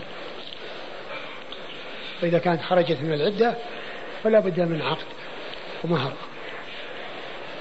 يقول ما هي أحكام السلس وبالخصوص سلس المذي؟ آه وهو يحصل نادرا لا يشعر به صاحبه. وهل هو نجس؟ إذا كان نادرا فهو لا شك نجس ويجب التطهر منه والتطهر منه وينقض الوضوء. هذا إذا حيث يكون نادرا. وأما إذا كان دائم مستمر يعني مثل سلس البول فهذا له حكم آخر. يعني يتقي الله ما استطاع ويتوضأ عند دخول الوقت ولا يضره ما يخرج منه بعد ذلك.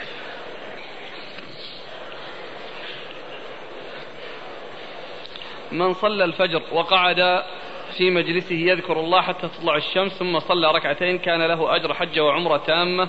هل المقصود أنه يجب أن يبقى قاعدا في المسجد بعد الصلاة؟ أم هل من الممكن أن يرجع إلى البيت ويذكر الله فيه؟ لا لأنه قال في المسجد. أنا لو ذهب إلى البيت ما حصل الذي جاء في الحديث وهو أنه في المسجد. قال وإذا كانت المرأة ولها أطفال تحتاج أن تجهزهم للمدارس فهل لها أن تصلي الفجر ثم تقوم تعمل هذه الأعمال وهي تذكر الله؟ والله على كل إذا كانت إنها أو إذا كانت إنها لها شغل يشغلها عن هذا ففضل الله واسع وإذا ذكرت الله عز وجل فهي مأجورة على ذلك. لكن الذي جاء في الحديث هو جاء في المسجد. وإن شاء الله يعني لو فعلت المرأة هي على خير ولكن ما ورد فيها نص يعني يدل على هذا لكن إذا فعلت إن شاء الله على خير. ولكن كونها آه تقوم وتتحرك وتذهب وتأتي هذا ما يصدق عليها أنها جلست يعني في مكانها. إذا دخلت في وقت الأذان هل لي أن أجلس أم أنتظر حتى فراغ الأذان؟ لا لا تجلس.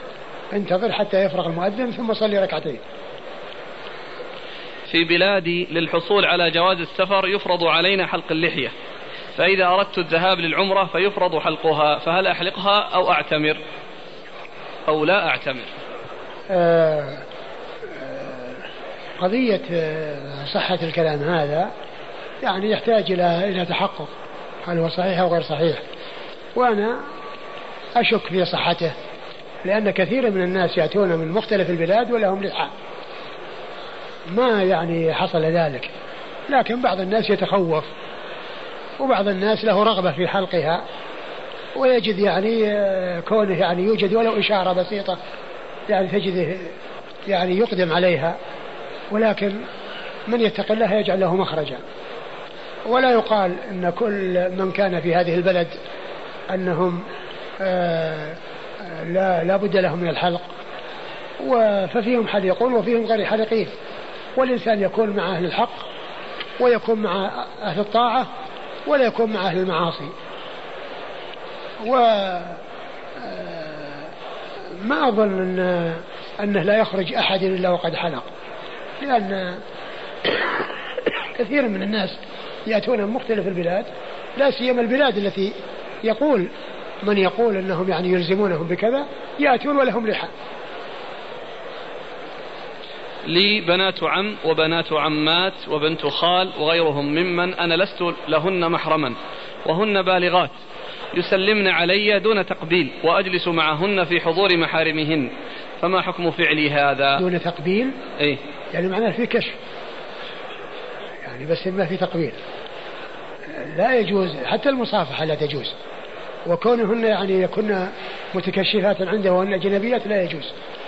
يجب عليهن التستر ويجب عليهن الاحتجاب ولا يجلسن يعني مع الرجال وحتى ما ينبغي يعني أن يكون جلوس يعني يشمل آه، آه، يعني مثل هؤلاء مع البنات بل البنات تكون على حدة ولا تكون مع الرجال ولا كن متحجبات.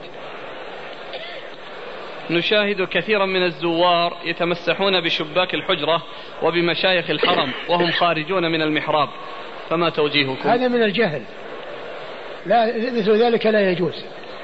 وإنما على المسلم أن يكون محبا للنبي صلى الله عليه وسلم محبة تفوق النفس والماء والولد والولد والوالد والناس أجمعين. ولكن هذه المحبة لا تكون بتمسح الجيران وإنما تكون باتباع النبي عليه الصلاة والسلام. والسير على منهاجه والعمل بسنته وامتثال أوامره واجتناب نواهيه. وأما مسح الجدران ومسح الشبابيك وما إلى ذلك فهذا غير صحيح ولا يجوز الاتيان به لأنه ما جاء عن سلف هذه الأمة ولو كان خيرا لسبقوا إليه لأنهم السباقون إلى كل خير والحريصون على كل خير وإنما على الإنسان يكون متبعا لا أن يكون مبتدعا والاتباع يكون بامتثال الأوامر واجتناب النواهي وتصديق الأخبار وأن تكون العبادة لله مطابقة للسنة التي جاء بها رسول الله صلوات الله وسلامه وبركاته عليه. والله تعالى أعلم وصلى الله وسلم وبارك على عبده ورسوله نبينا محمد وعلى آله وأصحابه أجمعين. بسم الله الرحمن الرحيم. الحمد لله رب العالمين والصلاة والسلام على عبد الله ورسوله نبينا محمد وعلى آله وصحبه أجمعين. أما بعد قال الإمام أبو داود السجستاني رحمه الله تعالى باب في الجدة. قال حدثنا القعنبي عن مالك عن ابن شهاب عن عثمان بن إسحاق بن خرشة عن قبيص بن ذؤيب رضي الله عنه أنه قال جاءت الجدة إلى أبي بكر الصديق رضي الله عنه تسأله ميراثها فقال ما لك في كتاب الله تعالى شيء وما علمت لك في سنة نبي الله صلى الله عليه وآله وسلم شيئا. فارجعي حتى أسأل الناس. فسأل الناس فقال المغيرة بن شعبة رضي الله عنه حضرت رسول الله صلى الله عليه وآله وسلم أعطاها السدس. فقال أبو بكر هل معك غيرك؟ فقام محمد بن مسلمة رضي الله عنه فقال مثل ما قال المغيرة بن شعبة فأنفذه لها أبو بكر. ثم جاءت الجدة الأخرى إلى عمر بن الخطاب رضي الله عنه تسأله ميراثها فقال ما لك في كتاب الله تعالى شيء وما كان القضاء الذي قضي به إلا لغيرك وما أنا بزائد في الفرائض ولكن هو ذلك السدس فإن اجتمعتما فيه فهو بينكما وأيتكما خلت به فهو لها. نعم قال حدثنا محمد بن عبد العزيز بن أبي رزمة قال أخبرني أبي قال حدثنا عبد عبيد الله أبو المنيب العتكي عن ابن بريدة عن أبيه رضي الله عنه أن النبي صلى الله عليه وآله وسلم جعل للجدة السدس إذا لم تكن دونها أم. بسم الله الرحمن الرحيم. الحمد لله رب العالمين وصلى الله وسلم وبارك على عبده ورسوله نبينا محمد وعلى آله وأصحابه أجمعين. أما بعد يقول الإمام أبو داود السجستاني رحمه الله تعالى باب في ميراث الجدة. الجدة هي من الوارثات من النساء و وهي ممن يرث بالفرض فقط ليست من أهل التعصيب. وميراثها السدس. إن كانت واحدة وإن كانت أكثر من ذلك وهي وهن وارثات فيشتركن في السدس ولا يزادن عليه. والجدات التي يرثن هن, هن أم الأم التي تدري بالأم وأم الأب التي تدري بالأب وأم الجد التي تدري بأب الأب. الذي هو الجد. ومن كانت أقرب منهن درجة فإنها تختص به. وإن تساوينا في الدرجة اشتركنا به. وإن تساوينا في الدرجة اشتركنا به. ومن شرط إرث الجدة ألا يكون ألا يوجد أم للميت. لأن الجدات إنما يرثن آه، بالأمومة. والأمومة إذا كانت الأم موجودة الأمومة الميت لأنهن من أمهات الميت. فإذا وجدت, وجدت الأم التي هي ولدت الميت فإنها تستقل بالميراث ولا يرث الجدات معها شيء. وإن كانت غير موجودة وكانت الجدات فإنهن يرثن إن كانت واحدة انفردت بالسدس وإن كن أكثر من واحدة فإنهن يشتركن في السدس. والذي يرث من الجدات من تدلي إلى الميت بأمه أو بأبيه أو جده من قبل أبيه وأما التي تدلي إليه من آه، آه، من قبل أمه يعني أنها أم أم أبي الأم آه، فإن هذه لا ترث. هذه لا ترث وهي من ذوي الأرحام. لأن الجد أم أبو الأم هو لا يرث. الجد أبو الأم هو لا يرث. فأمه لا ترث. وإنما الذي اللاتي يرثن هن من يكن أولادهن وارثين. سواء كانت أم أو آه، أم أم أو أم أب أو أم جد الذي هو أبو الأب. وكما ذكرت من انفردت منهن استقلت به وإن آه، آه، وجدنا وكنا متفاوتات في الدرجة فالأقرب تنفرد بالسدس وإن تساوينا في الدرجة بأن تكون أم أم أم وأم أم أب وأم أبي أب فإنهن يكون في درجة واحدة فيشتركن في السدس. أورد أبو داود رحمه الله حديث المغيرة بن شعبة ومحمد بن مسلمة رضي الله تعالى عنهما والحديث هو عن المغيرة بن شعبة ويوافقه على ذلك محمد بن مسلمة وأن وذلك أن الجدة يعني واحدة من الجدات الوارثات سواء كانت أم الأم أو أم الأب جاءت إلى أبي بكر تسأله الميراث. من ابن ابنها. فأبو بكر رضي الله عنه قال ما لك في كتاب الله شيء وما علمت لك في سنة رسول الله صلى الله عليه وسلم شيء ولكن انتظري حتى أسأل الناس. يعني يسأل الصحابة هل عندهم علم عن رسول الله صلى الله عليه وسلم؟ هل أحد منهم عنده سنة يعلمها عن رسول الله صلى الله عليه وسلم؟ ومعلوم أن السنن آه، قد تكون عند بعض الصحابة وقد تكون في عند أحد الصحابة ولا يطلع عليها بعض كبار الصحابة لأن النبي صلى الله عليه وسلم كان يحدث الحديث في المجلس وقد يسأل في المجلس عن مسألة فيجيب عليها فيحضر من يحضر ويغيب من يغيب. فالذي يكون قد حضر يكون عنده علم والذي ما حضر ليس عنده علم. ف فسأل فجاء المغيرة بن شعبة وأخبره بأنه أعطى أعطاها السدس. قال هل معك أحد؟ يعني آه، يشاركك في التلقي عن النبي صلى الله عليه وسلم ومعرفة ذلك عن النبي صلى الله عليه وسلم. والمقصود من ذلك ليس هو التردد في قبول رواية الشخص الواحد من الصحابة وإنما هو زيادة استثبات وتوثق واطمئنان. وليس فيه تردد في قبول رواية الشخص الواحد من أصحاب رسول الله صلى الله عليه وسلم. فأكثر الأحاديث أو كثير من الأحاديث إنما تكون عن شخص واحد من أصحاب رسول الله صلى الله عليه وسلم وهي مقبولة ومعول عليها.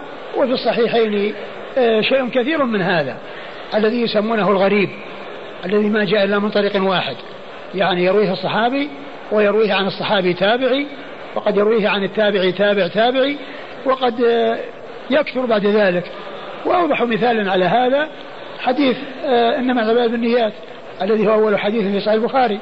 وآخر حديث في صحيح البخاري كلمتان حبيبتان إلى الرحمن فإن آه، حديث إنما الأعمال بالنيات إنما جاء عن عمر. وعمر يروي عنه علقمة بن وقاص الليثي. وعلقمة بن وقاص الليثي يروي عن محمد بن إبراهيم التيمي ومحمد بن إبراهيم التيمي يروي عنه سعيد عبد يحيى بن سعيد الأنصاري. ثم بعد ذلك كثر الرواة بعد يحيى بن سعيد الأنصاري. فهو حديث غريب. ما جاء إلا من طريق واحد. ما جاء إلا من طريق واحد. و و والحديث الذي لا يأتي إلا من طريق واحد معتمد وحجة عند العلماء. وكذلك آخر حديث كلمتان حبيبتان للرحمن. فإنه رواه آه، أبو هريرة عن النبي صلى الله عليه وسلم ورواه عنه أبو زرعة بن, آه، آه، بن جرير بن عبد الله البجلي ورواه عنه واحد وهكذا فهو من من من غرائب الصحيح أي مما جاء من طريق واحد عن صحابي واحد والصحابي روى عنه تابعي وهكذا. فإذا ليس المقصود من قول أبي هريرة أبي, أبي بكر للمغيرة هل معك أحد؟ معناه عدم قبول روايته إلا إذا وجد له متابع أو وجد آخر مع آخر معه وإنما المقصود من ذلك آه، زيادة آه، طلب المزيد من آه، العلم ومن الآخذين عن رسول الله صلى الله عليه وسلم وأنه يكون معه في ذلك المجلس الذي حدث به النبي صلى الله عليه وسلم غيره فكان محمد بن مسلمة ممن حضر ذلك وممن شهد ذلك. إيش يقول المتن؟ قال عن قبيصة بن ذؤيب رضي الله عنه أنه قال جاءت الجدة إلى أبي بكر الصديق رضي الله عنه تسأله ميراثها فقال ما لك في كتاب الله تعالى شيء؟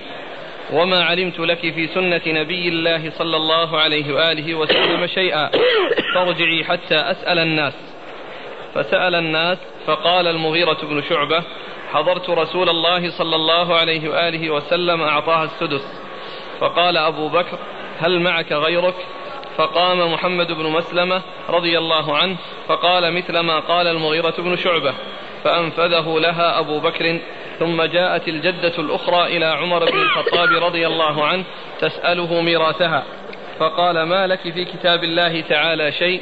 وما كان القضاء الذي قضي به إلا لغيرك وما أنا بزائد في الفرائض ولكن هو ذلك السدس فإن اجتمعتما فيه فهو بينكما وأيتكما خلت به فهو لها. آه يقول المغيرة أنه حضر النبي, آه النبي صلى الله عليه وسلم و وجاءته آه آه, آه، قال إيش؟ جاءت الجدة إلى أبي بكر. لا في الآخر. فقال محمد بن مسلمة. فقام محمد بن مسلمة لا. فقال لا فقال قال المغيرة. الأول. إيه. حضرت رسول الله صلى الله عليه وسلم أعطاها السدس. نعم قال المغيرة حضرت رسول الله صلى الله عليه وسلم أعطاها السدس يعني أعطى الجدة. حضرت رسول الله صلى الله عليه وسلم أعطاها السدس يعني أنه كان في مجلس النبي صلى الله عليه وسلم وأنه أعطى الجدة السدس. فسأل محمد معك أحد؟ قال محمد بن مسلمة يعني ف يعني قال مثل ما قال. وكل منهما يروي ذلك عن رسول الله صلى الله عليه وسلم وأنه أعطاها السدس. وبعد ذلك جاءت الجدة الأخرى يعني إذا كانت التي جاءت هي أم الأم فالتي جاءت أخيرا هي أم الأب. وإن كانت العكس التي جاءت أم الأب فالتي آه الأخرى هي أم الأم. يعني معناها أن أن آه أن واحدة من الجدات آه اللاتي هن وارثات آه جاءت إحداهما فأعطاها السدس وقضي لها قضى لها رسول الله صلى الله عليه وسلم وقضى وكذلك قضى أبو بكر بناء على ما رواه المغيرة بن شعبة ومحمد بن مسلمة. وأما عمر رضي الله عنه فلما جاءت الأخرى قال ما لك في كتاب الله شيء والقضاء الذي قضي به إنما هو لغيرك. يعني لجدة أخرى هي أم الأم أو أم الأب إذا كانت الأولى هذه أو هذه والأخرى غيرها جدة أخرى يعني مدلية إلى الميت بأبيه أو مدلية إليه بأمه و وما أنا بزاد في الفرائض يعني بحيث أنه يعطيها سدس ويجعل لها نصيب معين خارج عن ميراث الجدة الذي آه، أعطيت إياه وهو السدس أي الجدة الأولى التي هي غير هذه الجدة ولكن هو السدس. فإن اجتمعتما اشتركتما به وإن انفردت واحدة منكما أخذته يعني واستقلت به. فيكون هذا من جنس ميراث الزوجات. يعني إذا كانت واحدة انفردت بالثمن وإن كنا آه، آه، ثنتين أو ثلاثة أو أربع يشتركن في الثمن. فكذلك الجدات. إن انفردت واحدة استقلت به وإن كن عددا اشتركن به سواء كانت واحدة أو آه، أو ثلاثا. والحديث هو من رواية قبيصة بن ذؤيب رضي الله عنه وهو من صغار الصحابة وله رؤية وقيل إنه ولد عام الفتح ومعنى ذلك ان ان أنه في زمن خلافة أبي بكر رضي الله عنه ليس مدركا وليس مميزا لأنه يكون له يعني أربع سنوات آه، أو قليلا من ذلك و آه، لكن يحتمل أن يكون أخذه عن المغيرة بن شعبة أو عن محمد بن مسلمة يعني وأن أنه علم ذلك يعني فيما بعد وليس ذلك في المجلس. ولكن صورة الحديث هو صورة المرسل يعني صورته صورة المرسل الذي ما حضره ولم يحضره ولم يتحمله وأنه لم يكن ممن يدرك ويميز في خلافة أبي بكر رضي الله تعالى عنه. فتكلم فيه يعني بعض أهل العلم وضعفه الألباني و آه، ويحتمل أنه آه، يكون ذلك أنه سمع من يعني حكاية من أحد الصحابيين اللذين آه، روي ذلك عن رسول الله صلى الله عليه وسلم. ثم الحديث الذي سيأتي وهو حديث بريدة. حديث بريدة بن الحصين رضي الله تعالى عنه أنه أعطى الجدة السدس إذا لم يكن دونها أم. أعطاها السدس إذا لم يكن دونها أم. أيضا يدل على إثبات ميراث الجدة ويدل أيضا على أن ميراث الجدة أو الجدات آه، مقيد ومشترط فيه ألا تكون الأم موجودة لأنها إن وجدت فهي التي ترث يعني بالأمومة وإن كانت غير موجودة فهن يدلين على الميت بأمومتهن لأنهن من أمهاته وإن لم يكن الأمهات المباشرات وإنما, وإنما هن أمهات لأمه أو أبيه أو جده. فيكون آه، آه، الميراث لهن عند فقد الأم وعند عدم وعند عدم وجودها فإن كانت موجودة فإنها لا فإنهن لا يرثن. لأنهن يرثن بالأمومة آه، آه، آه، البعيدة التي هي ليست مباشرة فإذا وجدت الأمومة القريبة فإنها تمنعهن وتحجبهن. والحديث الثاني وحديث بريدة يدل يدل على ذلك.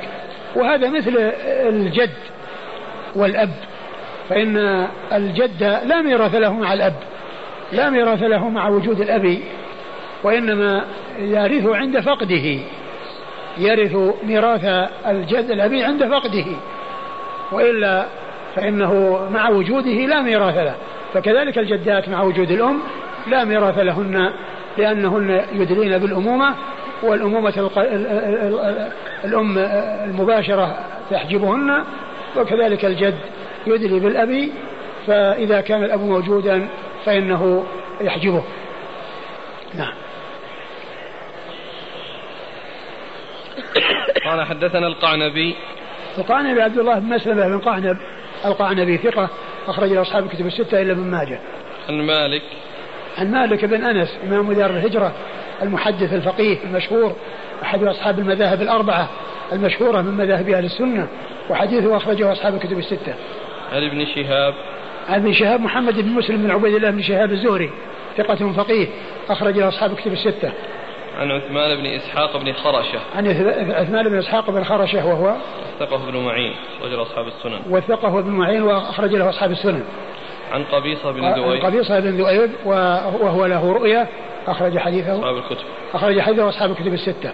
عن المغيرة بن شعبة. عن المغيرة بن شعبة رضي الله عنه صاحب رسول الله صلى الله عليه وسلم وحديثه أخرجه أصحاب الكتب الستة. ومحمد بن ومحمد بن مسلمة أيضا أخرج له أصحاب الكتب. نعم. أخرجه أصحاب الكتب الستة. قال حدثنا محمد بن عبد العزيز بن أبي رزمة. محمد بن عبد العزيز بن أبي رزمة هو ثقة أخرجه البخاري وأصحاب السنن. ثقة أخرجه البخاري وأصحاب السنن. عن أبيه. عن أبيه عبد العزيز بن أبي رزمة وهو ثقة أخرجه أبو داود الترمذي. ثقة أخرجه أبو داود الترمذي. عن عبيد الله العتكي. عن عبيد الله العتكي أبو المنيب صدوق. وهو صدوق يخطئ أخرج له أبو داود والنسائي بن ماجه. أخرجه أبو داود والنسائي وابن ماجه. عن ابن بريدة. عن ابن بريدة وهو عبد الله بن بريدة ابن الحصيب. ثقة أخرجه أصحاب الكتب الستة. عن أبيه عن أبيه بريدة بن الحصيب الأسلمي رضي الله عنه صاحب رسول الله صلى الله عليه وسلم وحديثه أخرجه أصحاب الكتب الستة. إذا أمكن تعيد الجدات الوارثات. الجدات الوارثات آه، هن اللاتي يدلين بالأم وبالأبي وبالأبي وبالجد أبي الأبي. فمن كانت منهن موجودة بمفردها انفردت بالسدس. وإن كن موجودات و فإن القربى تحجب البعد القريبة تحجب البعيدة مثلا أم الأم تحجب أم الجد لأنها أقرب منها.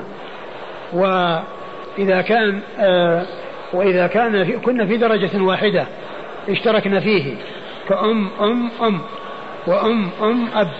وأم أبي أب فإنهن يكن في درجة واحدة وعند ذلك يشتركن في السدس.